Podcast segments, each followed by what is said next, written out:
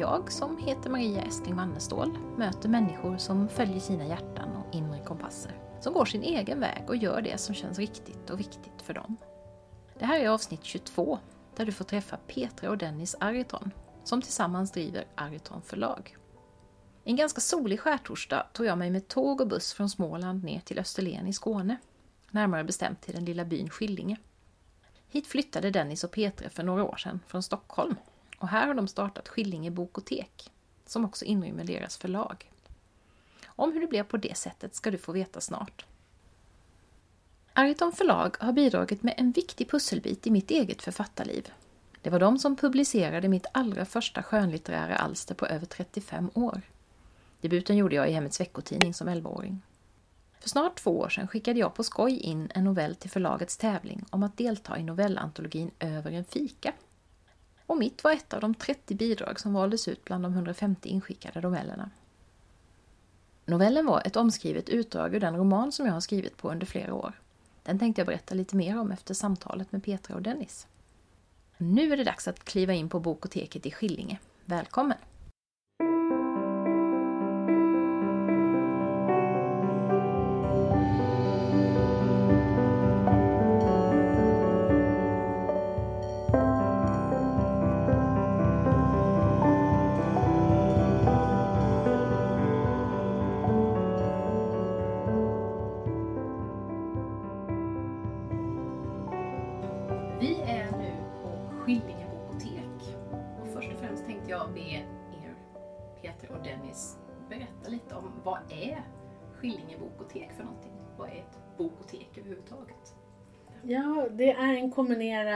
Bokhandel och bibliotek. Så här kan man både låna och köpa böcker.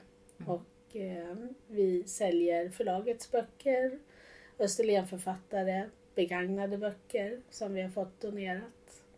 Och, eh, och så har vi ju massor med böcker som man kan låna gratis också, precis som vilket bibliotek som helst. Mm.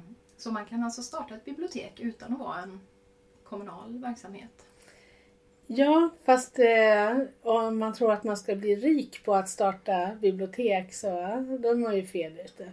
Men eh, vi känner ju att vi gör en, en samhällsgärning helt enkelt. För att eh, eh, det lokala biblioteket det lades ner eh, i samma veva som vi flyttade hit då för ett och ett halvt år sedan.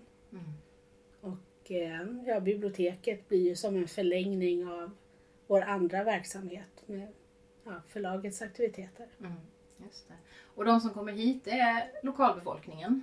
Ja, framförallt de som bor i byn men Mm. även då sommargäster runt om byn också. Mm. För nu är vi ju verkligen i ett sånt område på Österlen där det bor många sommargäster. Ja, precis. Och just nu kring eh, påsken och sen på sommaren, framförallt i juli, det är ju då som vi ser väldigt många besökare. Då är det många på Österlen. Mm. Och ni har ju flyttat hit för ett och ett halvt år sedan som du sa, från Stockholm till Skåne. Det är ni ju inte de första som gör. Men eh, hur var det för er? Är det här en gammal dröm som ni har förverkligat eller var det någonting som bara dök upp? Nej, det går inte att säga att det var en dröm att flytta just hit utan det är väldigt mycket slump och tillfälligheter att det blev den här byn. Mm.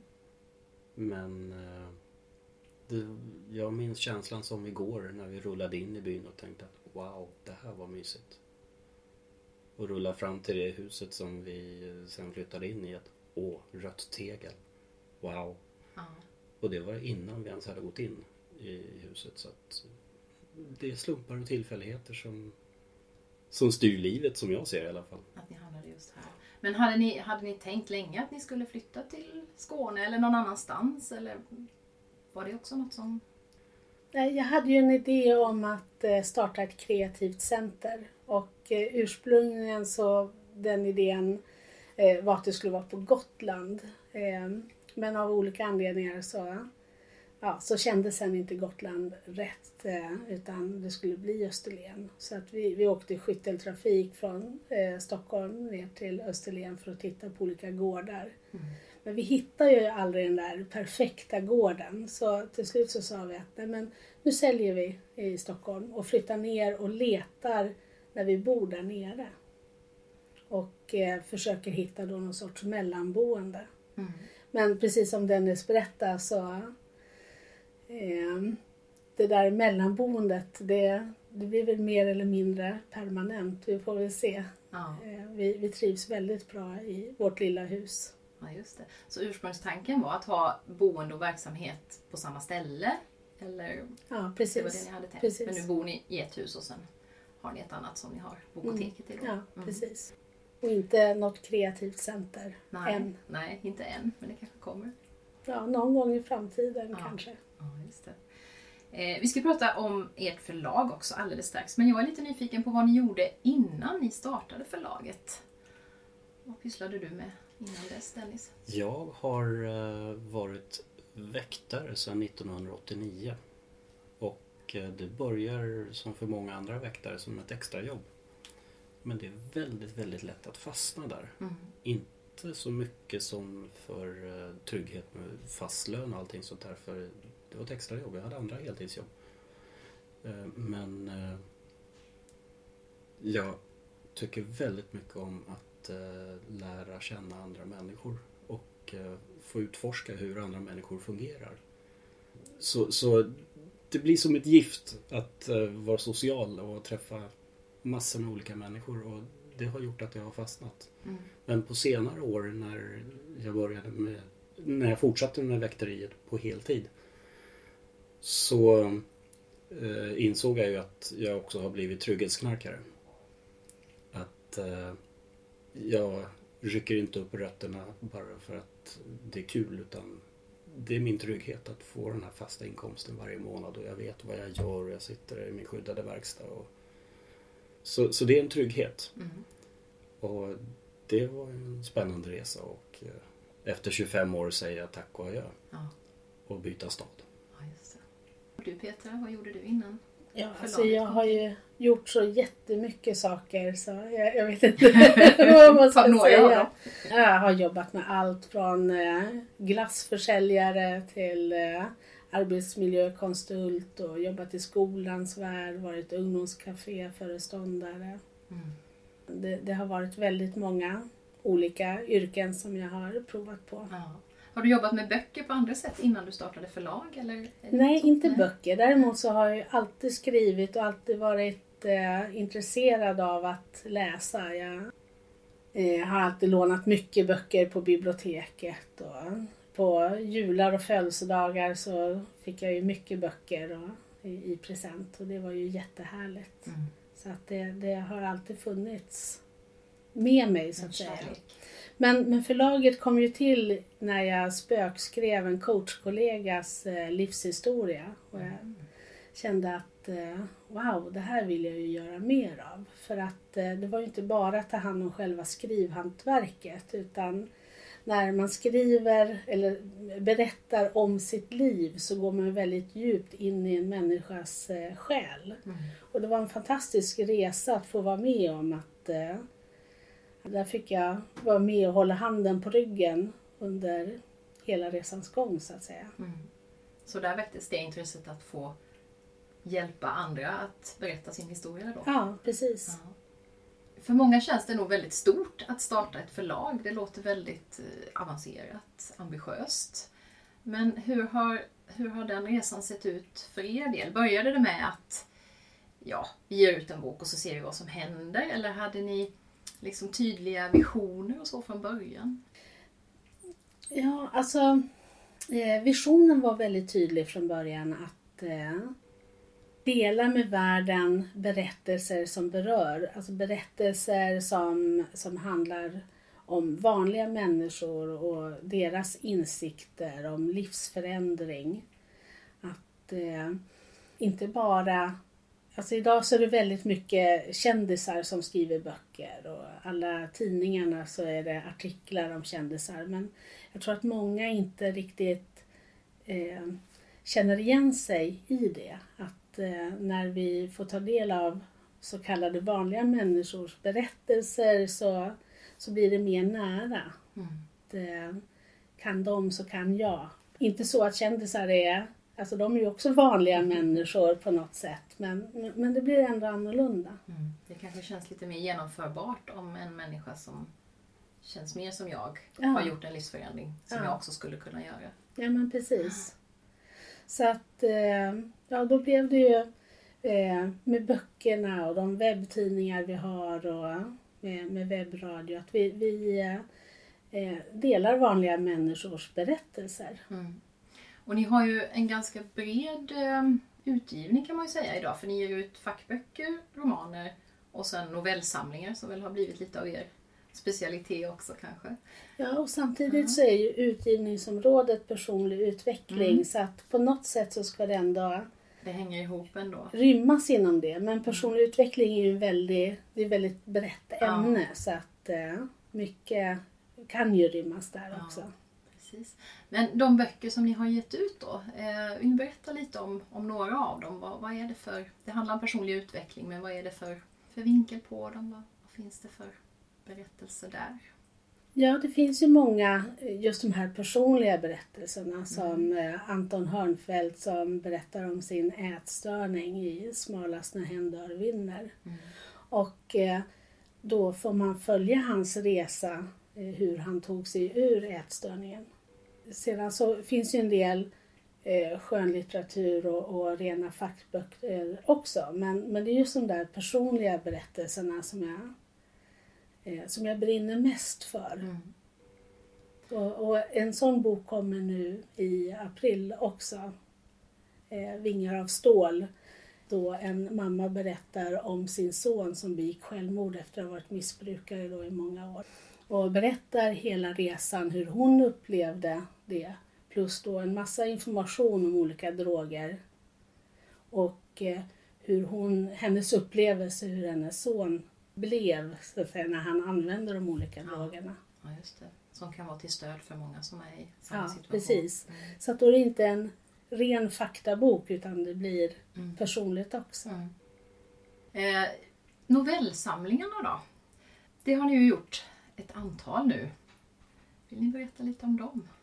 Du har ju skrivit noveller själv också, Dennis. Mm, jag har skrivit två. Ja. Eh, och eh, det är egentligen rätt länge sedan jag skrev. eh, men jag kommer ju ihåg hur man gör. Mm. Och jag tycker själv att jag har en någorlunda känsla för språk. Eller för hur man hanterar språket. Och så därför så kändes det ganska så ganska okej när Petra ber mig kan inte du skriva om det här och det här? Och det blev förhållandevis enkelt. Eh, En vanlig statusuppdatering på Facebook kan ju annars sitta mer hårt åt. Ja. Och ja, då får man väl kanske säga att det rann till ganska bra Mm. när man får till en novell. Men eh, lite blygsam är jag ändå därför att jag tycker att i den novellsamling jag var med så var det många som höll högre kvalitet. Mm. Och man får ändå inse sina begränsningar ibland. Man kan vara ut, ett utvecklingsobjekt om inte annat, eller hur? absolut, absolut. Ja. Och det, det var du som fick idén till den här första fikaboken. Eh, Peter, var det den första novellsamlingen ni gav ut? Nej, den första var faktiskt Kvinnan och eken Ah. som hade tema relationer. Mm. Och sen så blev det eh, en insikter där alla noveller har minst en karaktär som på något sätt får en insikt. Och sen så kom första fikaboken. Mm. Och det, har för mig att du skrev om det, eh, att eh, du satt på ett fik och tänkte, började fundera över det där med vad utspelar sig här på fiket? Ja, jag hade en fantastisk upplevelse en dag när jag satt och fika där det var då eh, unga tjejer med slöja som satt vid ett bord och pratade förtroligt och bredvid dem så var det lattemammor som satt och ammade. Och det var en eh, kostymnisse som satt och jobbade och en gammal tant med fin mössa och drack vin. Mm. Och, ja, det var väldigt spännande att börja fundera på hur ja, de här eh, relationerna, hur eh, människor fungerar och, och de historierna bakom. Mm. Och just att över en fika så löser vi världsproblem. eh, på jobb till exempel så är det ju inte i konferensrummet på arbetsmötet som besluten tas utan det är ju på fikarasten. Mm. Så det var bakgrunden till Ja. Över en fika. Och sen har det ju kommit Över en höstfika och det kommer komma eh, fler novellsamlingar nu till vintern och till nästa år med Ja, olika teman. Ja, jag har hört mycket. Jag har ju varit med i de här två också och många som har sagt det just att vilken himla bra idé, vilket häftigt tema. Det är så enkelt och samtidigt så som du säger, man löser världsproblemen så att det kan hända så mycket spännande saker. Jo men det är kul med eh, när det är ett specifikt tema. Eh, och det var faktiskt lite så jag tänkte när jag skrev till Över en fika. För jag gillar med relationer Mm. och jag, det är naturligtvis trevligt att få insikter. Så jag knöt ihop de tre första. Eh, relationer, insikter och fika. Så Ja. att de fick alla eh, plats i den novellen. Men eh, det mest spännande tycker jag är egentligen eh, novellsamlingen om dödssynderna. Ja, den vill jag höra mer om. Älskar att ha etik och moral på schemat. Ja, Det är jätte, jättekul att, att grotta i hur, hur jag själv egentligen tänker och upplever och varifrån jag har fått mina mönster som gör att jag tänker, upplever och bedömer saker på olika sätt. mm. Och det är ju våran samhälleliga conditioning som ligger till grund för, i alla fall för mig, för hur, hur jag ser på saker och ting. ja Vad som har format min etiska och moraliska kompass. precis. Och det här är ett projekt som ni är i nu. Ja, De första ju, böckerna har kommit. ja, de första böckerna kom ju ut i november förra Ja. året. Och eh, nu, nu kommer resterande fyra här till våren. Just det, så det är en bok per synd. Mm. Och då är det ett antal noveller i varje sådan. Precis, det är ju 23 författare som skriver i alla sju böckerna. Är det samma karaktärer som kommer tillbaks i... Alltså har en författare samma karaktär som kommer tillbaks i alla novellerna, i alla böckerna, eller hur fungerar det? I ganska många utav författarnas eh, historier så, så följer karaktärerna med från novell till novell. Mm. Och det gör det extra spännande det- tycker jag. Jag. Jag har mina favoriter. Jag har inte läst alla novellerna eh, för jag har inte behövt att korrekturläsa alla. Utan vi har haft en redaktör som har gjort det. Men eh, som sagt, jag har mina absoluta favoriter och eh, det är jättekul att följa dem Mm. från eh, novell till novell. Och sen finns det andra författare som har valt helt nya, helt skilda historier Mm. för varje, varje bok. Och det är faktiskt lika spännande. Ja, det är spännande det också. Ja, ja just det. absolut, Man absolut. kan fortfarande följa författaren och författarens stil fast med Verkligen. olika... Så, ja. eh, sen har ni ju, som du nämnde Peter, gjort webbtidning. Webbtidningar, flera stycken. Vad är tanken bakom dem?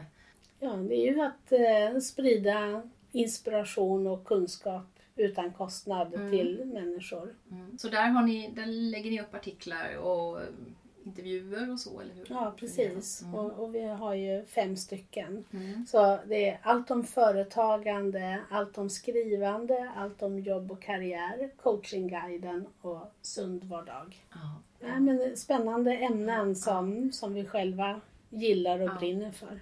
Och sen så har ni en egen podd också. Den blir jag ju extra nyfiken på nu förstås. För Ja, att jag själv poddar. Och jag var inne och lyssnade lite grann. Jag kände att här måste jag lyssna mer. Det här är ett format som jag uppskattar väldigt mycket, nämligen Sommar i P1-formatet.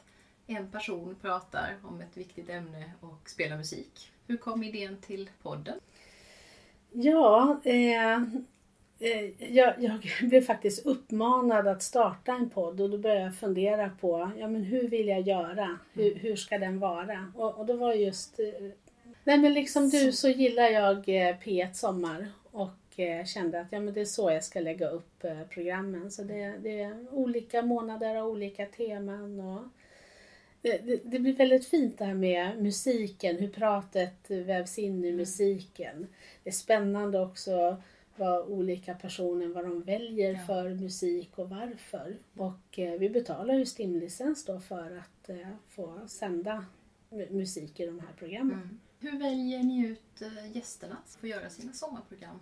Det har varit väldigt olika hur, hur det går till. Från allra första början så så skrev jag bara på Facebook att nu ska jag starta eh, den här webbradion. Ja. Vilka vill vara med? Och jag fick jättemånga svar så att jag valde ut då tio stycken men kände att eh, nej, men de här andra drygt hundra som hade ansökt, ja de kanske kan få göra också. Så Ja. då, då har de blivit tillfrågade senare. Vill du vara med när vi gör det här temat? Mm. Och eh, ja, det senaste halvåret så har det mest varit eh, författare som har varit involverade i olika projekt då, som, Mm. som vi har. Jättekul. Ni har ju en massa olika delar i er verksamhet. Du var ju inne lite grann på den där röda tråden, Petra, med personlig utveckling. Är det något annat som liksom håller ihop det här för er? Har ni funderat över det? Eh, Men, men det är ju just eh, berättelser som berör, att på olika Mm. sätt sprida inspiration och, och kunskap Mm. kring människors livsförändring och insikter. Och, och det gör vi på olika sätt. Genom böcker, genom Mm. radio, genom tidningar. Också genom att ni, har, eh, ni ordnar evenemang här på Bokoteket, eller hur? Ja, på Bokoteket och eh, också då eh, Bokens dag som eh, vi eh, ordnar på Skillinge teater. Så Mm. ju det ett, ja, ett gemensamt projekt med flera inblandade i byn. Mm. Och det har varit, har det varit Österlen-författare då som har varit där enbart eller har det... Österlenförfattare som har ställt ut sina böcker när vi har haft bokbord. Men eh, de författarna som vi bjuder in, de kommer från hela Sverige. Ja. En sak jag funderade på det är det här att vara förläggare. Det är ju att eh, jobba egentligen med drömmar. Som den här podden handlar om. Den handlar mycket om att förverkliga drömmar. Eh, och det är ju någonting som man både kan hjälpa till att göra som förläggare när man ger ut en bok, men man kan också krossa drömmar. Så man har ganska mycket makt där. Hur ser ni på det? Hur känns det att vara den som sitter på den makten? Ja, jag tror att alla människor har en historia att berätta. Sen är ju frågan hur många som är intresserade av att ta del av den. Men att alla kan ge ut böcker. Men eh, alla kanske inte ska göra det genom förlag utan att eh, man ska göra det i lite mindre skala. Hur känns det när man, när man kanske ibland känner att men här skulle jag vilja men det går inte? Eller jag, ja, alltså, jag skulle känna att det var jobbigt att sitta i den positionen att behöva säga nej till folk eller att behöva säga nej du får göra det här men du måste skriva om alltihop eller, eller så. Det är inte roligt att Nej. säga nej. Nej. Så att jag, jag bestämde från allra första början att jag ska aldrig någonsin, eh, någonsin skriva ett eh, standardrefuseringsbrev. Att det blir personliga meddelanden. Eh, det blir, behöver inte bli långt men bara att eh, på något sätt visa att jag, jag, har, jag har läst Ja. eller att någon på förlaget eh, har läst. För att numera så läser jag inte så många manus själv Nej. utan har lejt bort den biten. Ja. Men eh, ja, att det på något sätt blir personligt Personlig i alla fall. kontakt, Ja. Och, och när man då får möjligheten att faktiskt ta ett manus, hur går det till kanske? Det kan vara intressant för någon att, att veta. Ja, ofta så går det ju till som så att eh, jag har fått ett manus eh, skickat eh, till mig och, och så säger vi ja. och då så är det ju väldigt olika hur mycket som behöver arbetas med, med manuset efteråt. Att eh, ibland så känns det ganska färdigt. Men, men det finns ju inte något manus som inte behöver jobbas med alls. Utan alla manus be- behöver redigeras och korrekturläsas och så. Det är ju många författare som, eller blivande författare som tror att ja, men när jag skickar till förlag då är det färdigt. Men eh, då har man ju bara börjat Ja. så att säga. Ja, just det. Och sen är ni med i hela processen där med marknadsföring och ja, att få ut boken och få läsare och så också. Vad har ni för, har ni, finns det en strategi liksom för hur man får ut böckerna? Vi ser ju varje bokprojekt som ett gemensamt projekt. Det, det är, väl kanske någonting som är väldigt vanligt för små förlag. Att, eh, att man gör saker och ting tillsammans. På de större förlagen så får inte författarna bestämma hur omslaget ska se ut eller eh, ens vad som ska skrivas på baksidestexten eller hur man ska marknadsföra. Men, men eh, vi involverar ju författaren i alla steg. Det. Så på ett sätt kan det nästan vara bättre kanske att ge ut på ett litet förlag ibland just för att man har större möjligheter att Ja, det påverka. finns, och... finns ju fördelar och nackdelar Mm. med båda varianterna. För det är klart att det, det kan kännas eh, bra för ens ego. Nu låter det väldigt negativt när jag säger så. Men, men det är mycket status att bli utgiven på de största förlagen som eh, Bonniers och Norstedts. Men Mm. eh, på ett litet förlag så har man ju färre författare så att man blir ju en större författare på just det förlaget. Mm. Sen är det inte säkert att man säljer fler böcker för det. Nej, det, det behöver ju inte alls ha med förlagets storlek att göra. Det har jag Absolut förstått inte. också. Att, Men Bonniers har självklart större marknadsföringsmuskler. Det har de ju. Absolut. Det har de, fast de har ju också böcker som, som inte säljer, alltså bara eh, kanske säljer några hundra exemplar. Mm. Och eh, det är ju inte så, så mycket så att säga. Och det är kännbart även för Bonnier när de eh, skickar ut, låt oss säga bara för skojs skull, 20 000 exemplar till diverse bokhandlare i, i Sverige. Mm. Och sen efter två år så får de tillbaka 19 500. Ja. Och det tror jag kan vara intressant och viktigt för aspirerande författare att känna till att bara för att man blir antagen på ett stort förlag så är inte succén gjord därmed utan det är många faktorer som spelar in när, Absolut. när man ska ge ut en bok. Nej, och det är ju samma sak med eh, Ja, många författare, eller blivande författare tror att bara jag hamnar i en tv-soffa så då är succén given. Mm. Men en tv-soffa garanterar inte heller någon försäljning. Ja, du syns och du kanske får lättare att få annan media att eh, eh, intervjua dig. Mm. Men det är absolut ingen garanti för försäljning. Hur tänker ni kring författarens egen eh, insats i det här? Att man själv liksom hjälper till och, och marknadsför sig och sådär? Det är ju som sagt var ett gemensamt projekt. Mm. Och eh, eh, alla författare idag, vare sig man är utgiven på ett litet eller stort förlag, så då behöver man hjälpa till. Mm. Det, det är ingen som inte behöver marknadsföra sig. Mm. Och man behöver inte vara marknadsföringsproffs för att göra det utan det, det handlar bara om att eh, eh, prata om sin bok eh, med vänner, med bekanta på sociala medier. Jag menar, vi, vi ser exempel på personer som så fort boken är utgiven så då är det som att boken inte finns. Nej. Och eh, det blir väldigt märkligt. Och man behöver hela tiden marknadsföra sin Mm. bok. Det, det tar inte slut bara för att boken är utgiven. Utan det, det är ett längre projekt. Ja. Och det kanske man inte alltid tänker på. Om man är den här typen som tycker om att sitta på sin kammare och skriva men inte riktigt är den som är så, ja, trivs så bra med att figurera i sociala medier och så. Att det faktiskt påverkar fortsättningen också. För har du skrivit en bok och den säljer bra så har du större chans att få skriva en till. Så det har ju med det att göra också. Att för att överleva så, så kan man inte bara skriva utan man måste träna upp den andra biten också kanske. Absolut. Ni jobbar ju tillsammans nu sen ni flyttade ner hit och har gjort kanske tidigare också till viss del. Delvis. Hur, hur ser rollfördelningen ut mellan er båda här? Vad gör du i förlaget Dennis? Det jag har fallenhet för helt enkelt. Tekniska lösningar, support till författare. Eh, framförallt teknisk support till författare. Eh, vi är ju båda coacher Mm. så eh, vi delar ganska så jämnt på den biten. Eh, rent förläggartekniska delar, kontrakt, vad som ska innehålla, det är Petra mycket bättre på så att det sköter hon. Mm. Korrekturläsning gör jag inte alls. Nej. Men eh, det beror mest på att jag läser rätt långsamt. Så att korrekturläsa en bok, det tar en evig tid för Mm. mig.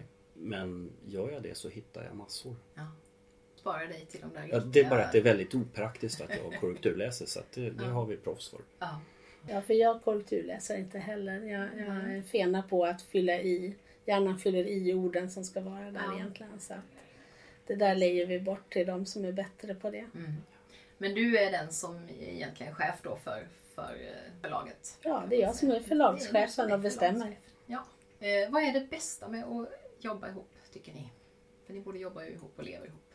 vi är ju väldigt samspelta eh, på det stora hela i, i livet och eh, vi har ju jobbat med personlig utveckling under väldigt många år så för oss är det egentligen inget eh, konstigt att jobba tillsammans. Nej.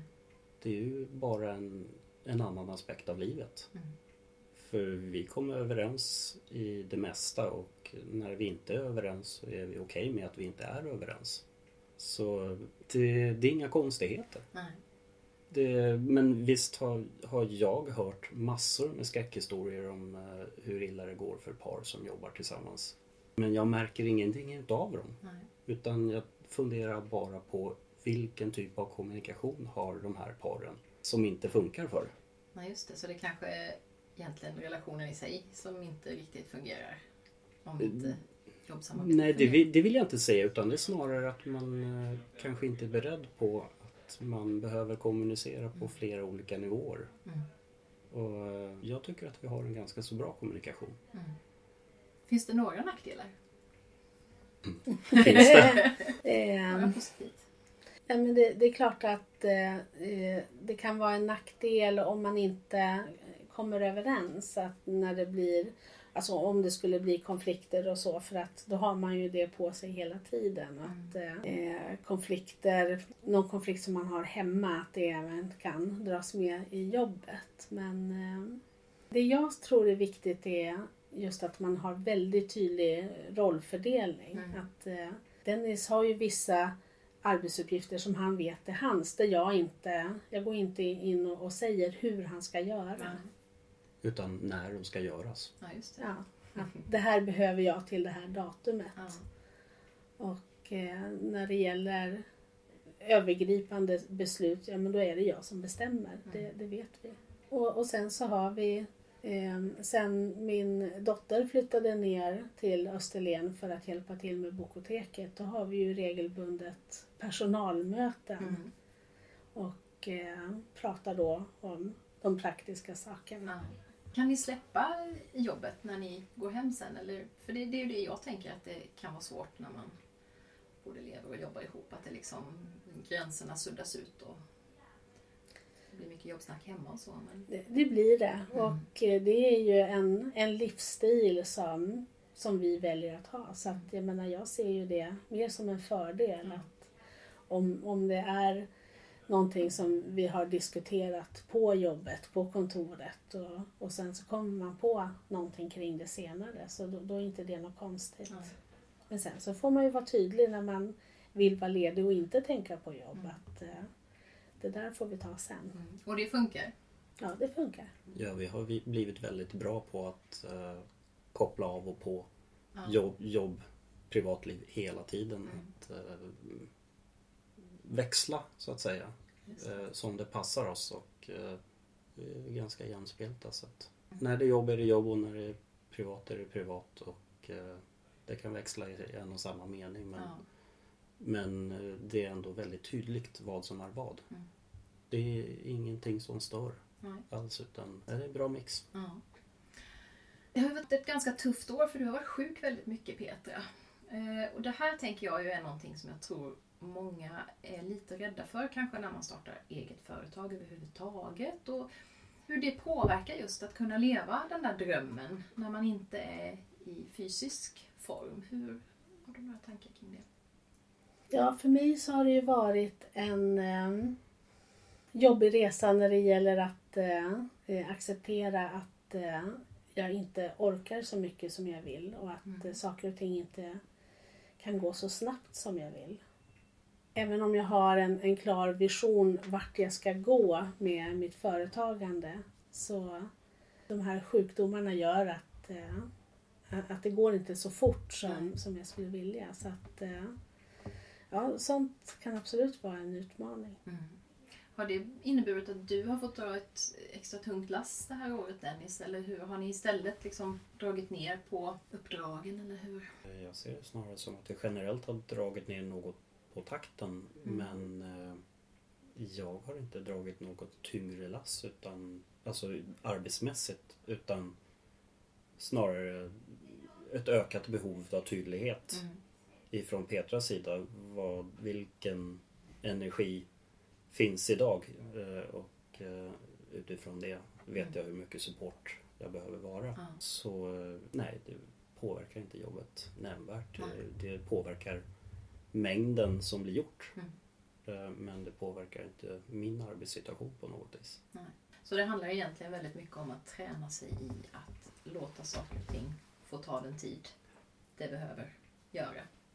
Och så kan det ju vara även om man inte är sjuk. Det känner jag ju igen också att det kommer ju så mycket idéer hela tiden som man helst skulle vilja nappa på Mm. direkt och sen så inser man att nej men det går inte utan lära sig att låta dem ligga till sig. Jo, men det är tillbaka till den här eh, mixen utav vad, hur mycket arbete eh, tillåter vi oss kontra hur mycket privatliv.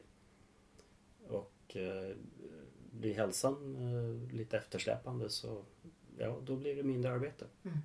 Det är egentligen inget konstigt. Det är bara att eh, man inte ringer till arbetsgivaren och säger att idag är jag hemma och är sjuk. Och då är det åtta timmar scratch ifrån eh, inkomsten. Nej. Utan det är snarare att okej, då gör vi saker och ting i ett långsammare tempo just nu. För saker och ting blir fortfarande gjort. Vad tänker ni om framtiden nu? Förutom att såklart ni hoppas att du ska få vara frisk antar jag. Den viktigaste kanske tanken. Men vad finns det?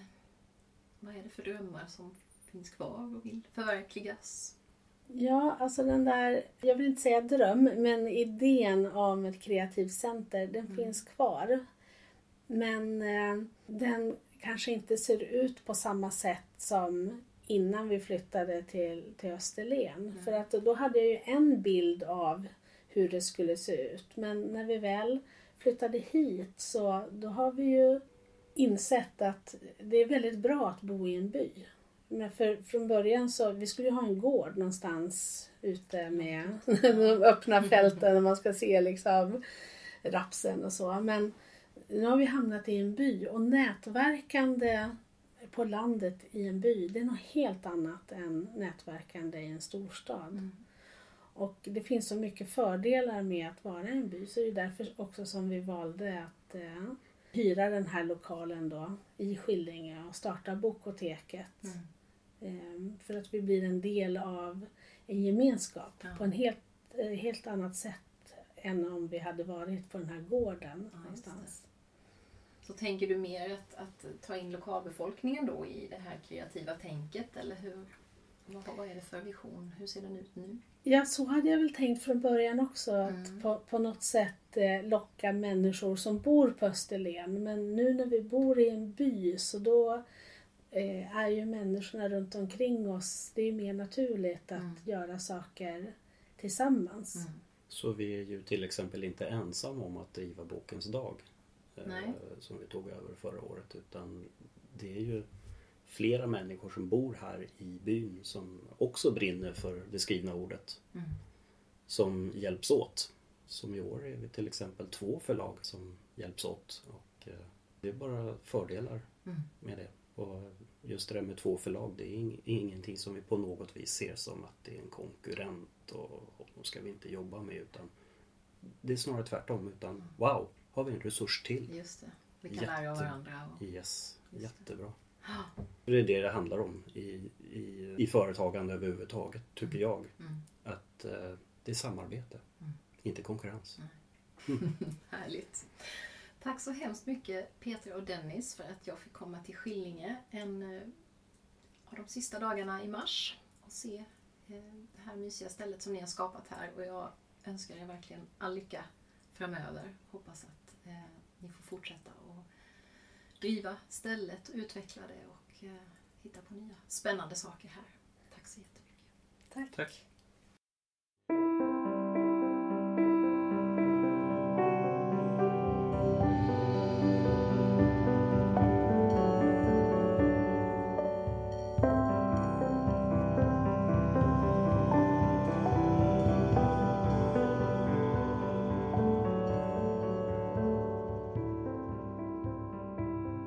Lyssnat på ett samtal med Petra och Dennis Ariton. På deras webbplats www.aritonforlag.se hittar du, förutom alla böcker, webbtidningarna och podden som vi pratade om. Och så finns de förstås på Facebook också. Berättelser som berör är ju någonting som Dennis och Petra brinner för att förmedla till världen. Och det är ju det som den här podden också handlar om. Att bjuda på människors historier, erfarenheter och tankar. Den röda tråden genom allt detta är idén om att följa sitt hjärta. Berättelser som berör är också någonting som jag strävar efter att skapa när jag skriver skönlitterära texter. Inte bara att underhålla för stunden utan att också väcka någonting, känslor och tankar, kanske inspirera till ett nytt perspektiv. Efter att jag under lång tid hade publicerat läromedel och fackböcker för jätteförlaget Studentlitteratur så bestämde jag mig för några år sedan för att plocka fram den där gamla barndomsdrömmen om att berätta historier igen. Det är ju milsvida skillnader mellan det och att skriva fackböcker om ett ämne som man är expert på, i mitt fall grammatik och språkundervisning. Som barn skrev jag precis hela tiden, började på bok efter bok. Och så tappade jag bort det där någonstans i tonåren. Men den började krypa fram igen för några år sedan, den där längtan efter att skriva annat än facktext. Som jag producerade enorma mängder av under de där sammanlagt 22 åren som jag först pluggade och senare jobbade på universitetet. Till en början var min längtan bara en liten viskande röst som började göra sig hörd under en tid när jag mådde ganska dåligt. Jag hade sett så mycket fram emot min fjärde föräldraledighet. Jag skulle vara hemma länge den här gången och bara njuta. Och så blev det där året någonting helt annat. Ett år då min mammas demenssjukdom förmörkade min tillvaro både fysiskt och psykiskt. Mellan amningarna satt jag i möten med biståndshandläggare, fixade en det ena, en det andra, gjorde brandkårsutryckningar till lägenheten och flyttade så småningom mamma till ett äldreboende. Min lille son kände förstås av min stress, sorg och vanmakt och sov dåligt på nätterna, vilket inte precis bidrog till större välmående. Det var under den här tiden som tankarna på att skriva började ta form. Jag ville skriva boken jag själv inte hittade. En bok om någon som hade det som jag. I de få böcker som handlade om demens var de anhöriga mycket äldre än jag, inte alls kvar i småbarnslivet. Idén fick ligga där och gro ett bra tag innan jag tog tag i skrivandet med en rivstart. Jag och min äldsta dotter åkte på en tredagars skrivretreat i Älvdalen. Jag var lite nervös innan. Tänk om inte det skulle komma någonting alls nu när jag skapade de yttre förutsättningarna för att skriva. Men jag hade inte behövt vara orolig. Under de där dagarna, då vi också hann besöka Sveriges äldsta häxavrättningsplats, komma i närkontakt med en varg och skriva klart vår första barnbok, så växte det fram ett synopsis med kapitel och nyckelscener. Och så började jag skriva själva texten. Jag förundrades över hur lätt orden flödade ur mig. Lite som Camilla Davidsson beskrev i avsnitt 6. Nästan som om det var någon annan som skrev genom mig. Knappt två år senare letade jag upp ett antal förlag och skickade in mitt manus. Som delvis byggde på mina egna erfarenheter, känslor och tankar. Men också var en helt fiktiv historia. Ramberättelsen är en äldre kvinnas demenssjukdom. Men bokens huvudperson är hennes dotter. När mamman blir sjuk så lever hon redan ett pressat liv med tre barn och ett krävande jobb som personalchef. Någonting som ställer situationen på sin spets är att den där nära och kärleksfulla relationen mellan mor och dotter inte är självklar. Bokens centrala teman är skuld, skam och otillräcklighet, men också vardagsglädje, hopp och försoning. Vid det här laget hade min text manglats av fyra testläsare. Redan det var en läskig upplevelse. Någonting helt annat än att lämna ifrån sig ett grammatikboksmanus. Det här var ju så mycket mer personligt. Lite som att lägga ut sitt hjärta till vargarna. Men att skicka iväg texten till förlag var förstås snäppet värre. Och än har inget av dem nappat, även om jag har fått några uppmuntrande kommentarer.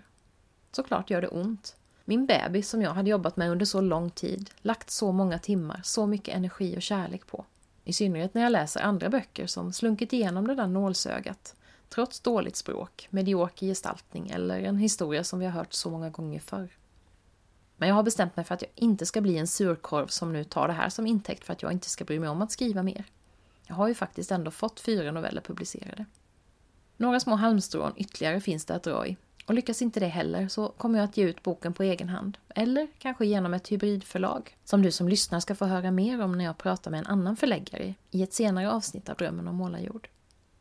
Med tanke på hur många jag har pratat med som har sagt att de skulle vilja läsa när jag har berättat om boken så måste jag ju våga tro på den även om ingen annan gör det. Ikväll ska jag till min älskade bokcirkel och där läser vi ofta just den där typen av bok som jag har skrivit. Det blir alltid bra diskussioner när ämnet är någonting som ett flertal av oss kan relatera till. Och jag vet ju att det finns många där ute som skulle känna igen sig i det jag skriver om.